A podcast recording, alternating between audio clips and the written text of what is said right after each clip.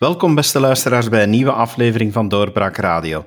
Tijd voor een politieke analyse en dat doe ik deze week met Christophe de Greef en Siegfried Brakke. Welkom, heren. Hallo. David. Christophe, Franse verkiezingen, we hebben de eerste ronde gehad. Het wordt dus een strijd tussen Macron en Le Pen.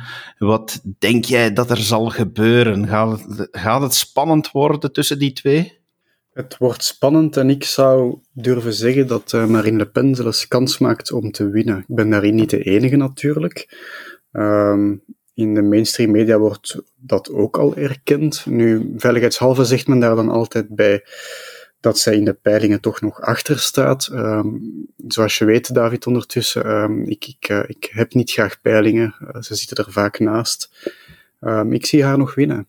Ik zie haar winnen omdat ik uh, denk dat de woede in Frankrijk over een aantal dingen, die begonnen is onder de gele hesjes in 2017, niet te onderschatten het COVID-beleid dat Macron heeft gevoerd, dat toch wel zeer hard was ik denk dat die woede uh, meer meespeelt dan we denken in Frankrijk. En ik denk dat dat wel eens zou kunnen leiden tot de overwinning van, uh, van Marine Le Pen.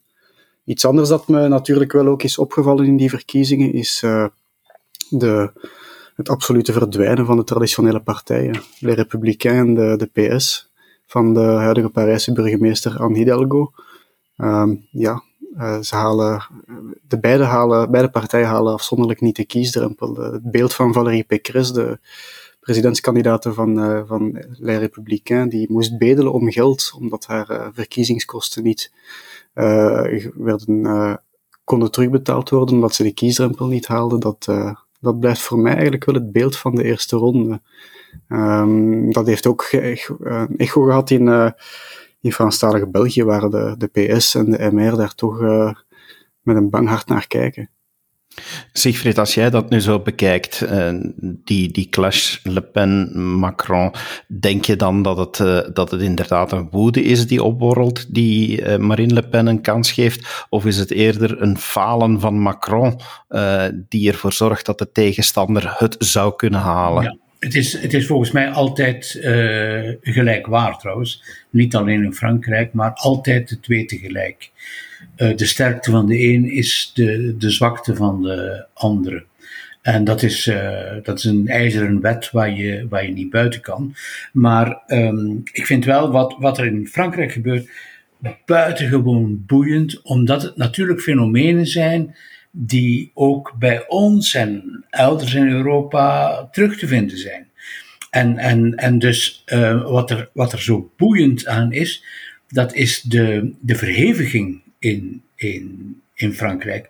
Bij ons is het traditionele politieke landschap ook aan het verschrompelen.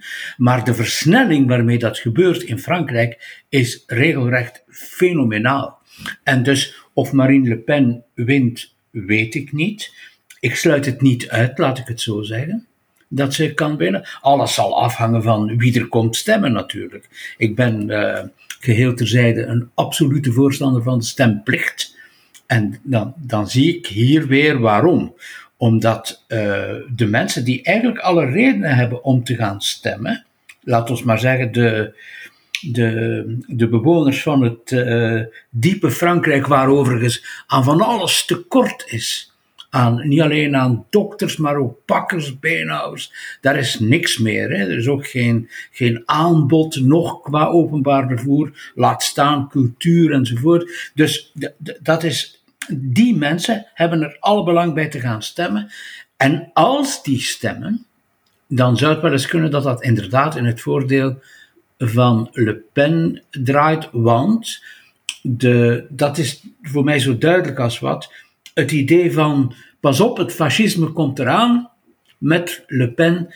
Ja, dat werkt niet meer. De mensen geloven dat niet meer. Dat is ook iets wat je bij ons ziet. Hè? Uh, vroeger was men bijzonder discreet over voor wie men stemde, zeker als dat uh, een beetje Vlaams belang was. Uh, maar nu is dat ook compleet weg. Dus al die fenomenen die we in Frankrijk zien, die, die hebben meteen ook te maken met onszelf. Los van het feit natuurlijk dat in Franstalig België, uh, ja, Frankrijk het centrum van de wereld is. Mm -hmm. um, ik, ik, herinner mij toen ik voorzitter was van de Kamer, ik heb één keer meegemaakt dat ik merkte dat er in de Kamer alleen Nederlandstalige uh, Kamerleden waren. En ik dacht, ja, is, er is iets, maar ik wist niet eens wat. En toen bleek dat er een toespraak was toen van president Hollande op de televisie. En alle Fr Franstalige Kamerleden waren naar die, die toespraak aan het kijken. En de rest kon dan voorlopig gestolen worden. Ik heb in Luik gezien dat de 14 juillet daar veel meer wordt gevierd dan de 21 juli.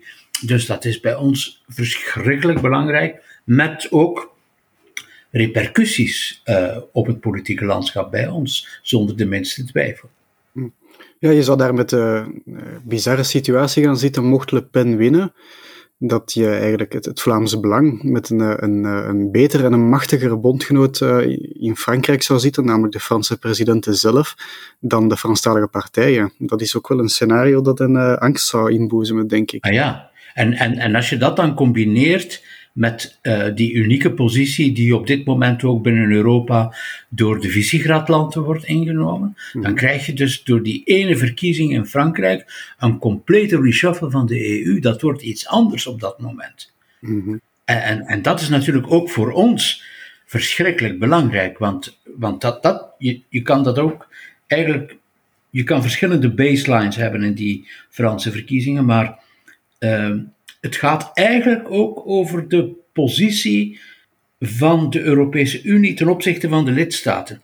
En, en dus, het is geen Frexit en Le Pen wil dat ook niet meer, maar de positie van de EU, wat hebben ze te zeggen en wat hebben ze vooral ook niet te zeggen, wat beslissen we zelf, dat is een, een onderwerp van de, van de eerste orde in de Franse verkiezingen en in die zin geweldig interessant. Ja, en vooral wie het, wie het laatste woord zou hebben. Hè. Of dat dan wel de, de Europese Unie, dan wel de lidstaat, afzonderlijke lidstaat zelf is, als die iets wil of iets niet wil. Um, dat, is de, dat is de soevereiniteit. Hè. Ja, maar, maar, maar, maar alles hangt natuurlijk af van wat we afspreken. Hè? En, mm -hmm. en je ziet natuurlijk dat de EU zo dom is om nu uh, met een, een rapport uh, naar buiten te komen waarin uh, staat dat Marine Le Pen en ook een aantal anderen, als ik mij goed herinner, Europees geld hebben gekregen via het parlement, dat ze dan nationaal zouden hebben gebruikt. Dit is zo doorzichtig. Mm -hmm. Dit is, dat kan dus geweldig in haar voordeel spelen. Net zoals het idee dat in Europa nu alle maatregelen in verband met Oekraïne worden stilgelegd, maar na de verkiezingen beginnen ze meteen weer aan. En dan ga je dus krijgen dat, dat, dat de, de olieprijzen, de gasprijzen weer fenomenaal stijgen, maar Macron is dan wel al verkozen. En dan krijg je natuurlijk de repercussie bij, bij de parlementsverkiezingen uh, later, uh, in juni is het zeker. Hè? -hmm. Christophe, jij zei daarnet, uh, het zou kunnen dat het Vlaams Belang een veel sterkere bondgenoot zal hebben uh, dan in, Frankrijk dan in eigen land. Maar zou het effecten kunnen hebben, denk je, naar hoe wordt gekeken naar een partij zoals het Vlaams Belang? Dat men dan gaat zeggen van, zie je wel, het kan wel gebeuren dat ze aan de macht komen, dus dat het nog eventueel voor meer extreme gaat zorgen, want de ene gaan zeggen, oké, het is toch geen verloren stem, en anderen gaan zeggen, ja, nu moeten we er zeker tegenin gaan? Natuurlijk, en ik denk dat dat ook de evolutie is uh, die Siegfried daar straks begon te schetsen. Met, er komt dan een machtsverschuiving binnen Europa.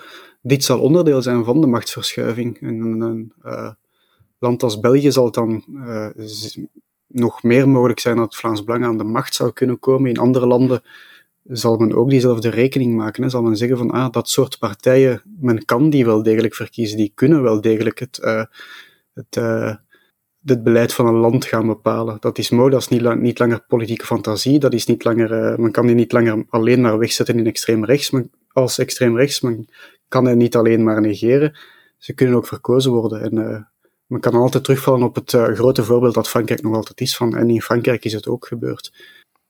Siegfried, dat zou dan wel betekenen dat ook bij ons die traditionele partijen nog sneller zouden verschrompelen. Want zoals ik daarnet schetste, de extremen gaan ieder hun eigen reden hebben om, om dan nog extremer te gaan. Uh, dat weet ik niet, of, of die extremen nog extremer gaan gaan. Uh, ik, ik denk dat het uh, misschien wel omgekeerd kan zijn. dat die wat gematigder zullen zijn. Vooral ook op de punten waar het op aankomt. Ehm, ehm, ik, ik denk, maar dat is natuurlijk een van de redenen waarom ook ik ongelooflijk veel bezig ben met Frankrijk de laatste tijd omdat je inderdaad die versnelling van de verschrompeling van het politieke landschap ziet en je voortdurend moet afvragen of dat bij ons ook kan. Het antwoord is ja, natuurlijk. Die, die versnelling van de verschrompeling, ja, bij ons is dat heel traag, al, al 30, 40 jaar lang. En, in Frankrijk is dat dus echt geïmplodeerd. En dat zou je bij ons ook wel uh, kunnen, kunnen meemaken. Dat, ja, dat, dat, dat, maakt het natuurlijk bijzonder boeiend. Hè? Ja, ik vraag me ook af, als we het over de extremere partijen hebben, David. Um, zijn die partijen werkelijk extreem of uh, rakelen die, of gebruiken die ideeën die misschien een tikje ouder zijn, zoals soevereiniteit, um, een grenzenbeleid voeren, um, omdat de rest zwijgt. Daardoor lijkt het alsof dat die extreme partijen extremistische ideeën hanteren, terwijl men eigenlijk het discours van dat 30, 40 jaar geleden nog tot een zekere mainstream behoorde, dat men dat als extreme partij nog durft uh, hanteren, terwijl dat uh, de traditionele partijen in een soort van nietzeggendheid van het midden zijn verzand. Dus ik weet eigenlijk niet of dat die extreme partijen nog extremer worden. Ik weet niet of dat de juiste manier is om er naar te kijken. Ja, ik, ik denk, ik denk dat ook niet, maar allee, wat, je ziet, uh, denk ik dat is, waar je niet kan overkijken, laat ik het zo zeggen, is dat er toch ook veel gelijkenis is in het programma van uh, Le Pen en, en van Macron. Zij vinden elkaar, bijvoorbeeld als het gaat over uh, strikter toekijken op migratie. Dat willen ze alle twee. Uh, bijvoorbeeld het, het verhogen van de, van de lage pensioenen, die in Frankrijk overigens mm zeer laag zijn. Dat willen ze allebei. Dus ze hebben ook wel een, een gemeenschappelijke aanpak. Los van het feit natuurlijk dat, dat Macron een soort van, van Verhofstadt is. Hè? Dus geweldig bezig met uh, waar het met Europa naartoe wil, want dat is uh, ja, natuurlijk de. dat heeft nog meer gloriol dan, dan, dan Frankrijk zelf. En, en dus uh, dat is een discussie ehm, die men, denk ik, noodzakelijkerwijs uh, moet verliezen. Dat heeft eigenlijk niet zoveel met extreme te maken. Dat heeft te maken met goed bestuur. Want dat is geen goed bestuur natuurlijk. Het heeft inderdaad alleen niet, of niet alleen te maken met extreme, want als we gaan analyseren naar die verschrompeling van de traditionele partijen in Frankrijk, dan kan je ook niet anders dan vaststellen dat Macron daar een enorme invloed heeft gehad. En waar moet je hem plaatsen? Uh, dat is toch ja, een beetje links, een beetje rechts. Is dat dan het midden? Wil dat dan zeggen dat we die analyse doortrekken naar ons land, dat hier nog een enorme plaats is om het midden terug uit te bouwen, wie of wat dat midden dan ook mag gaan bevolken? Ja, maar het, het gevecht eh, bij ons gaat over het midden. Hè? En, en, en de, niet alleen wie neemt het, maar ook hoe groot is het. Hè? En dus wat Macron heeft gedaan vijf jaar terug, was een goed verhaal neergezet. Maar daarvan niet te veel gerealiseerd. Eigenlijk zo goed als niets. Want dat is ook heel moeilijk in Frankrijk. Frankrijk is een nauwelijks te hervormen land. Hè? En, en dus, uh, ja, men is buitengewoon teleurgesteld natuurlijk. En het, het verhaal pakt niet meer. Je voelt dat ook. Als je bij de eerste ronde, ik heb de hele avond naar de Franse televisie zitten kijken. Als je de, de speech van een Mélenchon ziet, dat is fantastisch. Dat is een geweldige redenaar. Maar vergelijk dat met de speech van Macron, dat was echt niet goed. Daar zat geen dash in, daar zat geen, geen, ja, geen diepte in, geen geloof, geen gedrevenheid. Dat was een papiertje voorlezen. En, en dat is natuurlijk ja, ook de sterkte van, van, van, van Le Pen, die overigens ook niet zo'n denderende speech had, maar ze had natuurlijk wel wat meer inhoud dan Macron. En, en dan merk je het natuurlijk. Hè. Hm. Ik denk dat het probleem van mensen, politici zoals Emmanuel Macron, is dat die, die springen in een gat dat zeer kortstondig is. In 2017 heeft hij een, eh, een beweging opgericht die uit het niks kwam, de Republiek en Marche. Um, dat soort verhalen is inderdaad het midden, maar ik merk daar altijd uh, zeer weinig uh, ideologische onderbouw achter. Um, de vraag, David, of dat, dat bij ons zou lukken, um, dat niet elke partij een beetje naar het, een middenpositie streeft. Ik denk dat dat mogelijk moet zijn om een partij van het midden te zijn, als je durft dat ook ideologisch te onderbouwen. En dat is iets dat ik bij bijvoorbeeld CD&V ook niet meer merk, dat er nog, een, dat nog opkomt voor een ideologische onderbouwing die dat tot midden kan dragen. Uh, we hebben in Franstalig België Les Engagés gehad. We hebben die liever. De opvolger van CDH. Men probeert hetzelfde te doen als Macron in 2017 heeft gedaan, maar men, men gooit eigenlijk wat dat midden droeg, um, filosofisch gezien, dat gooit men weg, het, het christelijke in, in, in dit concrete geval. Um, en dus, men zal zo op die manier nog wel wat stemmen kunnen halen. Maar dat zal dan ook een kortstondig verhaal zijn, net zoals het Macron is vergaan, denk ik. Omdat uh, dat je, je kan een, een perfecte middenpositie bekleden. Rick probeert dat trouwens. Uh, maar omdat, dat, dat pakt alleen maar bij mensen omdat daar iets achter zit. Omdat dat een, een radicale positie, ideologische positie vanuit het midden is en niet zomaar een, een omhulsel waarin dat je eigenlijk van alles kan gooien. Een middenpositie is moeilijk, hè, maar dan moet je ook weten te onderbouwen. Ja, eh, maar ik, ik denk, maar nu, nu natuurlijk eh, ga je zeggen, ja, daar, daar komt hij met zijn, zijn verleden. Ik denk dat de sterkte van de NVA altijd uitgerekend die ideologische fundering voor het midden geweest is. En, en, en dus de sterkte van de Wever was om dat in een goed verhaal te gieten. Punt is natuurlijk dat het verhaal op zich niet volstaat. Als, als, als je dat niet koppelt aan aan goed, efficiënt bestuur, uh, dan, dan, dan wordt het waardeloos. Je moet niet uh, willen, je, moet niet alleen zeggen dat je het Noorse model wil, je, je moet dat ook in de praktijk uitvoeren. En dat is natuurlijk het, het gigantische probleem van, van de NVA, is bijvoorbeeld dat, je, dat ze al in Vlaanderen al jaren uh, aan de macht zijn, maar geen verhaal hebben en ook geen praktijk. En, en dus je moet niet zeggen we willen meer bevoegdheden, want dat zegt niks. Je moet het laten voelen. Je moet efficiënt besturen. Het moet goedkoper allemaal. Meer voor de mensen, minder voor het systeem. En, en daar zijn, dat, dat is natuurlijk het tweede wat speelt. Hè. Allee, je mag toch niet in Frankrijk, om, om terug naar het onderwerp te gaan, mag je toch niet kijken naar de ongel of, of toch niet over de ongelooflijke jump van Mélenchon kijken. Mm -hmm. is eigenlijk nauwelijks iets minder gehaald dan Le Pen. En ja, dat betekent iets natuurlijk. Hè. Het had niet veel gescheeld, of hij zat in de tweede ronde. Hè? Voilà. Voilà. En, en, en wat er nu ook gebeurt en wat het ook zo spannend maakt, dat is al diegenen die hebben verloren geven stemadviezen. Maar als er nu iets is wat niet werkt, dan is het stemadvies. Hè?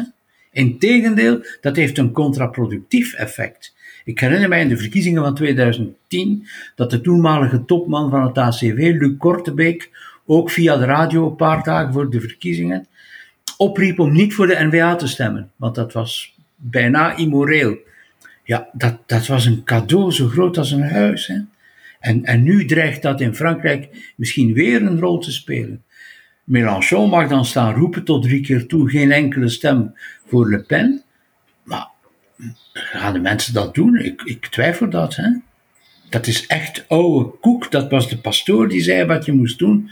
Mensen doen dat niet meer. Hè? De pastoors die zijn er inderdaad niet meer, Siegfried. Uh, gelukkig maar, zullen er heel veel luisteraars zeggen. Dus uh, we moeten ook niet luisteren naar wat zij op de kansel te vertellen hebben. Nu, we zitten in het buitenland. Uh, afgelopen week is inderdaad stil geweest in het politieke landschap in Vlaanderen. Maar om dan even bij het buitenland te blijven, dat toch ook weer een link heeft naar eigen land, kijk ik even naar de plannen van de Engelse premier um, om asielzoekers naar Rwanda uh, over te brengen, om daar offshore over hun asielaanvraag te gaan oordelen. En automatisch, eh, de link naar Vlaanderen is dat hier ook stemmen opgaan en zeggen van ja, dat is eigenlijk het Australische model zoals wij het ook zouden moeten hebben. Ik weet niet wat, wat jullie eigenlijk vinden van die Engelse voorstellen. Ik vind dat, uh, dat is gewoon de praktijk. De praktijk die al bestaat, bijvoorbeeld in Turkije, dat is eigenlijk precies hetzelfde systeem. Rwanda zal dan betaald worden om dat soort werk, aanhalingstekens, voor ons te doen. En ik denk eerlijk gezegd dat dat geen slechte zaak is, want uh, het, het moet een ontradend effect hebben. En dat is, dat is de bedoeling. En ik zie niet goed in uh, wat de grote verschillen zijn. Uh, men zegt ja, in Rwanda worden de mensenrechten geschonden. Bij mij weten in Turkije ook. En dus, uh, ik, ik, ik vind dat een, een totaal overroepen aangelegenheid. Het is zoeken naar een oplossing en ze vinden met name in een Afrikaans land dat het overigens economisch behoorlijk goed doet. En dus mensen wil. En, en dus ik, ik, ik vind daar, allee, ik, uh, ik kan mij daar niet over opwinden over dat voorstel. Ik vind dat een, ja, je, je kan dat proberen. En je moet natuurlijk ervoor zorgen dat je op een, op een gecontroleerde manier dat doet. Dat, dat mag geen Wild West zijn, hè? maar hm. ik, ik heb daar geen bezwaren tegen. Hm. Christophe, eh, denk jij dat zoiets bij ons ook mogelijk zou zijn? Dat het Verenigd Koninkrijk dat probeert eh, met een land als Rwanda tot daaraan toe. Ehm, de geschiedenis van België en Rwanda is, zoals jullie weten, natuurlijk wel uh, verschillend. Ik vroeg mij toen ik het verhaal hoorde ook direct af waarom Rwanda, waarom moeten we in godsnaam het zo ver gaan zoeken tweede opmerking die ik had was, uh, betekent dat dat Afrikaanse landen daar een soort van verdienmodel van willen gaan maken? Dat men uh, eigenlijk uh, iedereen die men hier wegstuurt omdat die, in, in, in, in omdat die een, een, grens is overgestoken, dat we die dan naar Centraal-Afrika transporteren met een zak geld. en dan is het probleem opgelost. ik vond het een zeer, ik vind het een zeer bizar verhaal. ik heb ook een beetje research gedaan. Israël heeft dat vroeger ook al geprobeerd in Rwanda en ehm, volgens uh, wat ik uh, heb gevonden, is dat eigenlijk niet zo succesvol gebleken. Hè. Die mensen zijn, ging dan over vluchtelingen uit hoofdzakelijk Eritrea en Somalië. Natuurlijk wel in de buurt van Rwanda. Die mensen zijn dan uh, door omstandigheden in Israël terechtgekomen. Israël heeft hen eigenlijk uitgezet met een, een zak geld, enkele honderden mensen. Um, die mensen zijn dan één of twee nachten in Kigali, in de hoofdstad van Rwanda, gebleven en dan heeft men die, uh, is, die, is men die uit het oog verloren. En uh, waar het geld naartoe is gegaan, dat weet men niet. Waar die mensen naartoe zijn gegaan, dat weet men eigenlijk ook niet. Uh, maar Rwanda heeft ze zeer waarschijnlijk niet te, te werk gesteld. Dus ja, ik, dat is één. Twee, ik vind het als, als België ook wel ongelukkig. We, hadden een, we hebben natuurlijk een, een band met Rwanda ehm, door de geschiedenis. Um, vroeger hadden we ook een buitenlandbeleid dat zeer sterk op uh, Centraal-Afrika was gericht. Uh, um, sinds enkele jaren is dat om god weet welke reden eigenlijk uh, verwaterd. België is eigenlijk nauwelijks nog aanwezig in die regio, terwijl we daar vroeger echt wel expertise en kennis hadden, ook politiek. Um, en dan is er nog de zaak rond Paul Roussia Sabagina, de, de voormalige directeur van Hotel de Mille Collines, die tijdens de genocide in Rwanda eigenlijk heel wat mensen het leven heeft gered dan nadien in België is komen wonen, Belgisch staatsburger is. Die man uh, zit in Rwanda nu in de gevangenis, is nog altijd een Belgisch staatsburger. Ik hoor daar dus de Belgische regering niet, uh, niet verontwaardigd over zijn dat een Belgisch staatsburger eigenlijk in een uh, land als Rwanda, dat ook nu geen goed palmarès heeft wat betreft mensenrechten, dat een Belgisch staatsburger eigenlijk zomaar vergeten kan worden in, in Rwanda. En dat men dan van weeromstaat ook een deal zou gaan maken met een land als Rwanda, om ons vluchtelingenprobleem op te uh, lossen. Het is een morele positie, uh, zoals Siegfried daar straks zei, er is een praktijk, er uh, moet een oplossing komen. ja, maar ik sta er toch wel naar te kijken. Maar het is eigenlijk wel opnieuw de vraag hoe we effectief kunnen omgaan met een, met een goed uh, vluchtelingenbeleid. Uh, ik denk dan ook bijvoorbeeld aan het boek van Mark Bossuit dat deze week uitkomt en waarin hij eigenlijk vanuit zijn ervaring als eerste commissaris-generaal voor de vluchtelingen en staatlozen, dat hij ook schrijft, ja, je mag blijven dweilen en je mag zoveel dweilen hebben als je wil. Als er geen goed terugkeerbeleid en geen ontradingseffect is, dan zal het nooit stoppen. Is dat dan eigenlijk eerder de vraag waar, waarmee we moeten bezig zijn? Uh, moeten we dat nu toch eens eindelijk durven in vraag stellen in ons land, van hoe dat we dat gaan aanpakken? We hadden dat al lang moeten doen, ja. Ik denk dat ook, ja. Ik, allee, ik bedoel, dat, dat is, ik heb uh, delen van het boek van, van Mark Bossuit al kunnen lezen. En als je dat leest, dan, ja, dan, dan, dan is dat de evidentie zelf. En dan hadden we dat eigenlijk al heel lang moeten doen. Maar uh, dat is kennelijk een, een moreel zeer beladen onderwerp. Terwijl dat, ja, ik bedoel, in, in Denemarken bijvoorbeeld is men daar veel strikter op. Hè? En men koppelt dat bovendien dan nog eens aan een soort van nationaal discours, identiteitsdiscours tegelijk. En dat zijn socialisten voor alle duidelijkheid die dat daar doen. En, en dus dat, dat is daar veel minder problematisch, maar bij ons is dat uh, ook wat dat betreft het zuidelijke model. Hè. Nu, het was uh, Mark Kramers die me ooit zei dat uh, veel van de binnenlandse problemen eigenlijk voor een deel opgelost worden door, of richting meekrijgen door wat er in het buitenland gebeurt. Om terug te keren naar het begin van het gesprek, misschien dat dat verhaal ook wel anders zal zijn als iemand als Marine Le Pen wordt verkozen in Frankrijk en dat je dan eigenlijk een alignering krijgt van een land als Frankrijk met de Visegrad-landen die, zoals we weten, zeer migratiekritisch zijn. Dat je eigenlijk een beetje de hegemonie van een bepaald kijken naar migratie hebt doorbroken. Ik zie eigenlijk ook niet veel praktische oplossingen hoe dat anders zou kunnen, politiek gezien. Want je kan natuurlijk je kan, uitbesteden, je kan uitbesteden aan, aan, landen als Turkije of Rwanda, for, uh, for God's sake. um, Maar als er, als, er, als er nog altijd een politieke hegemonie is die dat eigenlijk ervoor zorgt dat de grenzen oversteken op deze manier niet op een of andere manier strafbaar wordt, of dat men langs de andere kant niet radicaal beslist van oké, maar dan, dan zijn er eigenlijk geen grenzen meer. Hè. Dus, dus dat is dan het andere uiterste. Ik bedoel, dat is, uh, misschien valt er theoretisch gezien wel iets te zeggen voor een, uh, voor een, uh, een, een, een, zeer open wereld, om puur economische redenen, maar dan moet men dat ook duidelijk meegeven en dan liefst nog aan de bevolking voorleggen of dat men dat wel wil. Maar puur praktisch gezien denk ik dat er in de huidige Europese context geen hegemonie is die dat, die dat een oplossing kan formuleren voor dat migratiebeleid. Ik denk dat dat zou kunnen veranderen als, uh, als uh, laten we zeggen, Centraal-Europa en, het, uh, en Marine Le Pen ja, meer macht krijgen. Ja, maar het, het is helemaal correct wat je zegt. Hè? Dus um, vanuit een moreel standpunt kan je, of moet je misschien zelfs, een, een totale open grenzensysteem bepleiten. Moreel. Maar als je dat koppelt aan de praktijk, dan kom je natuurlijk tot een, tot een andere conclusie. In mijn, in mijn jonge jaren was er een, een socialistisch kopstuk, Louis Tobak. En, en die zei, als je iedereen, letterlijk hè, als je iedereen in uw living binnenlaat, dan ontploft uw huis. Ja, vrees dat dat waar is. Hè. Ja. Philippe Moreau ook trouwens in de jaren tachtig, die, uh, die zeer, streng, uh, zeer streng was wat betreft migratie in Brussel. Ja. Nu we het toch over grenzen hebben, ik ga eens even de taalgrens oversteken. Um, toch ten dele uh, over Brussel en Wallonië het even hebben. Christophe, uh, jij volgt het uh, daar nogal voor ons. Binnen de MR ja, botert het toch niet helemaal tussen de Brusselse en, en de Waalse afdeling eigenlijk, om het zo te zeggen.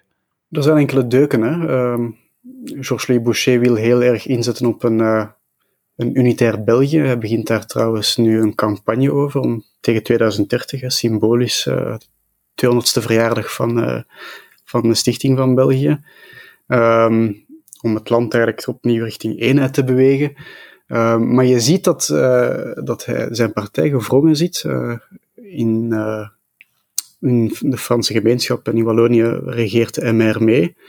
Um, je ziet en we hebben dat zeer concreet gezien met het, uh, het dossier van de hervorming van het, uh, de zomervakantie in de, Franse gemeenschap, in het Franstalige onderwijs. Dat uh, eigenlijk een belangrijk deel van zijn partij, met name de Brusselaars, dat niet zagen zitten. Um, wat heeft men dan besloten in de Franse gemeenschap? men heeft één iemand zich symbolisch laten onthouden en de rest alsnog van de MR in de Franse gemeenschap voor laten stemmen, waardoor het dossier toch uh, kon vooruitgaan dat die hervorming een feit was, want men zit er in Franstalig België al lang op te azen op die hervorming. Maar helemaal lekker zit dat niet binnen de Franstalige liberalen. Um, je hebt een ander dossier, de hervorming van de verkeersfiscaliteit in Franstalig België, in Wallonië en in Brussel, waar je ziet dat de MR toch eigenlijk onder druk staat van... Uh, ja, en in Brussel regeren ze niet mee, maar ze, ze, ze zitten er in de oppositie, dat ze eigenlijk um, onder druk staan om, om, om, om heel linkse of, of laten we zeggen mobiliteitsonvriendelijke standpunten mee in te nemen. Of als ze daar aan tegen zijn, zoals in het geval van Brussel, dat ze eigenlijk geïsoleerd staan en daar weinig tegen kunnen beginnen. Um, en je hebt de Waalse kant van de partij die dat eigenlijk uit een soort van loyaliteit nog kan zeggen van we stemmen mee met de PS en met Ecolo.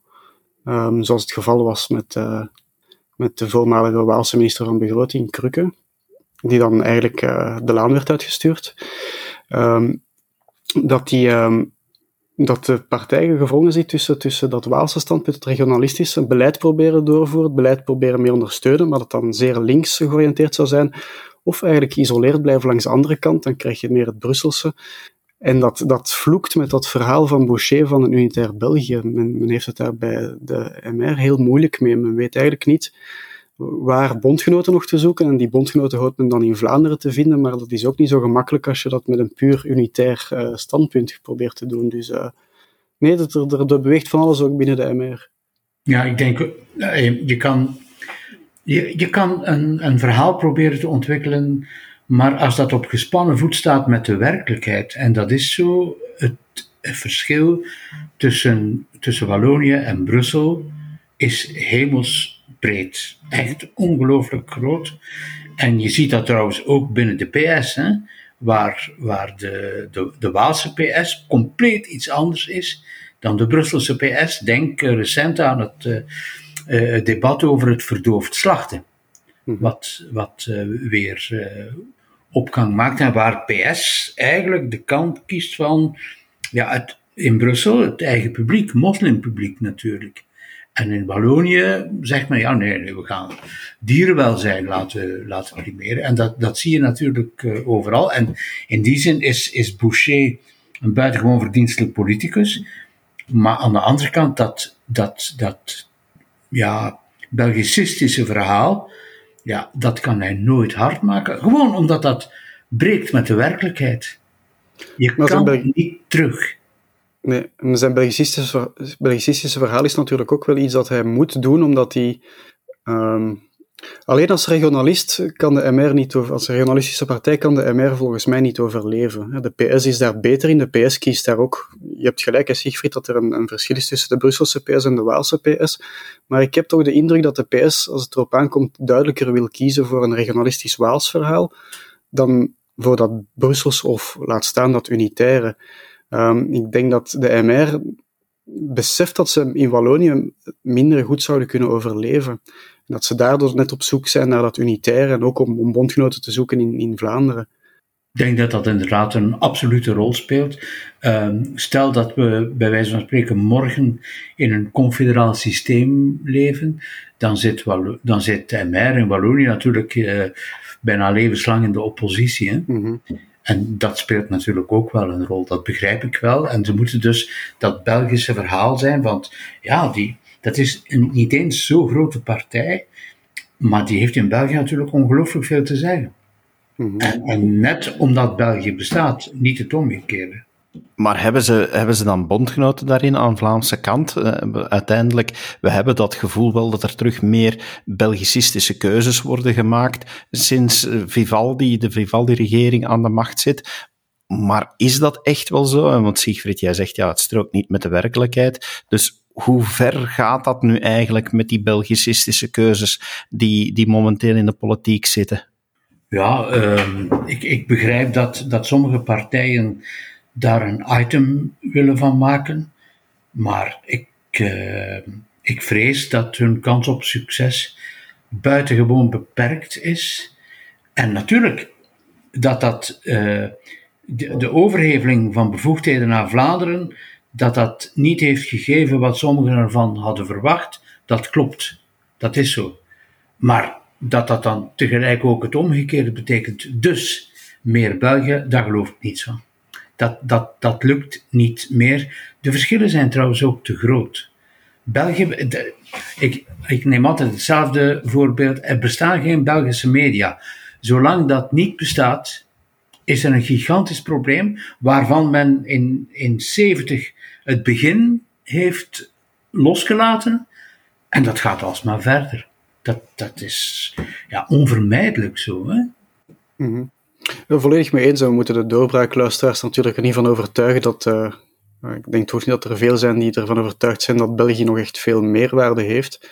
Anderzijds, ja, zoals David daar straks zei, ik volg de Franstalige politiek en, en ja, toch ook wel de samenleving een beetje. Dus, uh, ik denk dat we ons in Vlaanderen altijd van uh, aan mispakken hoe, hoe weinig ontwikkeld een Franstalige uh, identiteit is op zich. Men heeft altijd België nodig. En eens dat Belgische weg is, weet men eigenlijk niet wat men is. In Vlaanderen is dat nog anders. In Vlaanderen heb je nog een, een, een ook bij mensen die het misschien niet gaan toegeven, uh, zullen toch wel ergens Vlaams zijn of zich Vlaams voelen. Of zullen het Vlaamse vereenzelvigen met het Belgische. Daar staat een gelijkheidsteken tussen. In Franstalige België dreigt het, Belgische, men is onderdeel van het land België, dreigt dat weg te vallen. Wat er dan rest, ja, men weet dat eigenlijk niet. Hè. Frankrijk, hè, zoals, zoals we daar straks ook al zeiden, men kijkt naar Frankrijk, maar men voelt zich eigenlijk enorm minderwaardig ten opzichte van Frankrijk. Um, in die zin, dat regionalisme dat bijvoorbeeld de PS tentoonspreidt tegenwoordig, dat zijn pogingen om een soort van Waalse identiteit te ontwikkelen. Maar ja, zoals de discussie nu uh, aantoont, het is toch niet gemakkelijk. Dus uh, men heeft daar echt een, een, een verlatingscomplex in Franstalig België. Ja, maar dat heeft te maken met, met wat jij inderdaad uh, terecht minderwaardigheid noemt, maar ook met verlatingsangst. Hè? Mm -hmm. En dat, dat is voor een deel te wijten aan, aan sommige uh, onderdelen van het flamingantisme natuurlijk. Hè? Waar ze denken ze gaan ons laten vallen en dan komen we in gigantische problemen. En, en, en dus ik begrijp dat men dat denkt uh, en dat men dat niet wil. Nu zou het natuurlijk vanuit Vlaanderen bekeken van, van het allerdomste zijn om uw eh, belangrijkste handelspartner en uw naaste buur, met wie je dan nog snel eens een historische band hebt, om die in de armoede te storten. Dat kan uiteraard de bedoeling niet zijn, want dan organiseer je je eigen armoede. Dus dat, dat is het punt niet, maar dat dat leeft. Allee, denk aan een aantal jaren geleden, Bye Bye Belgium. Er was splitsing en, en de mensen, in, men heeft dat onderzocht nadien, 80% van de mensen die dat programma bekeken, dachten dat dat waar was. Hè? Mm Die hadden zelfs niet eens de reflex om snel te zappen naar de, naar de VRT of naar VTM, waar er natuurlijk, ja, merkwaardig genoeg niks aan de hand was. Ja, dat, dat, dat, dat zegt alles eigenlijk. Het feit dat men dat gelooft, betekent dat men er rekening mee houdt dat de Vlamingen ons, de Walen, gaan laten vallen. En, dat, en dus moet België blijven bestaan, alleen al om dat te voorkomen. Mhm. Maar natuurlijk, je gaat de tendensen die ook in Wallonië bestaan, nooit tegenhouden. Mhm. En het, grote, het grote politieke verschil in de, in de, in, in, in, in de grondstromen, dat is ook onmiskenbaar daar en dat zal ook blijven. Mhm.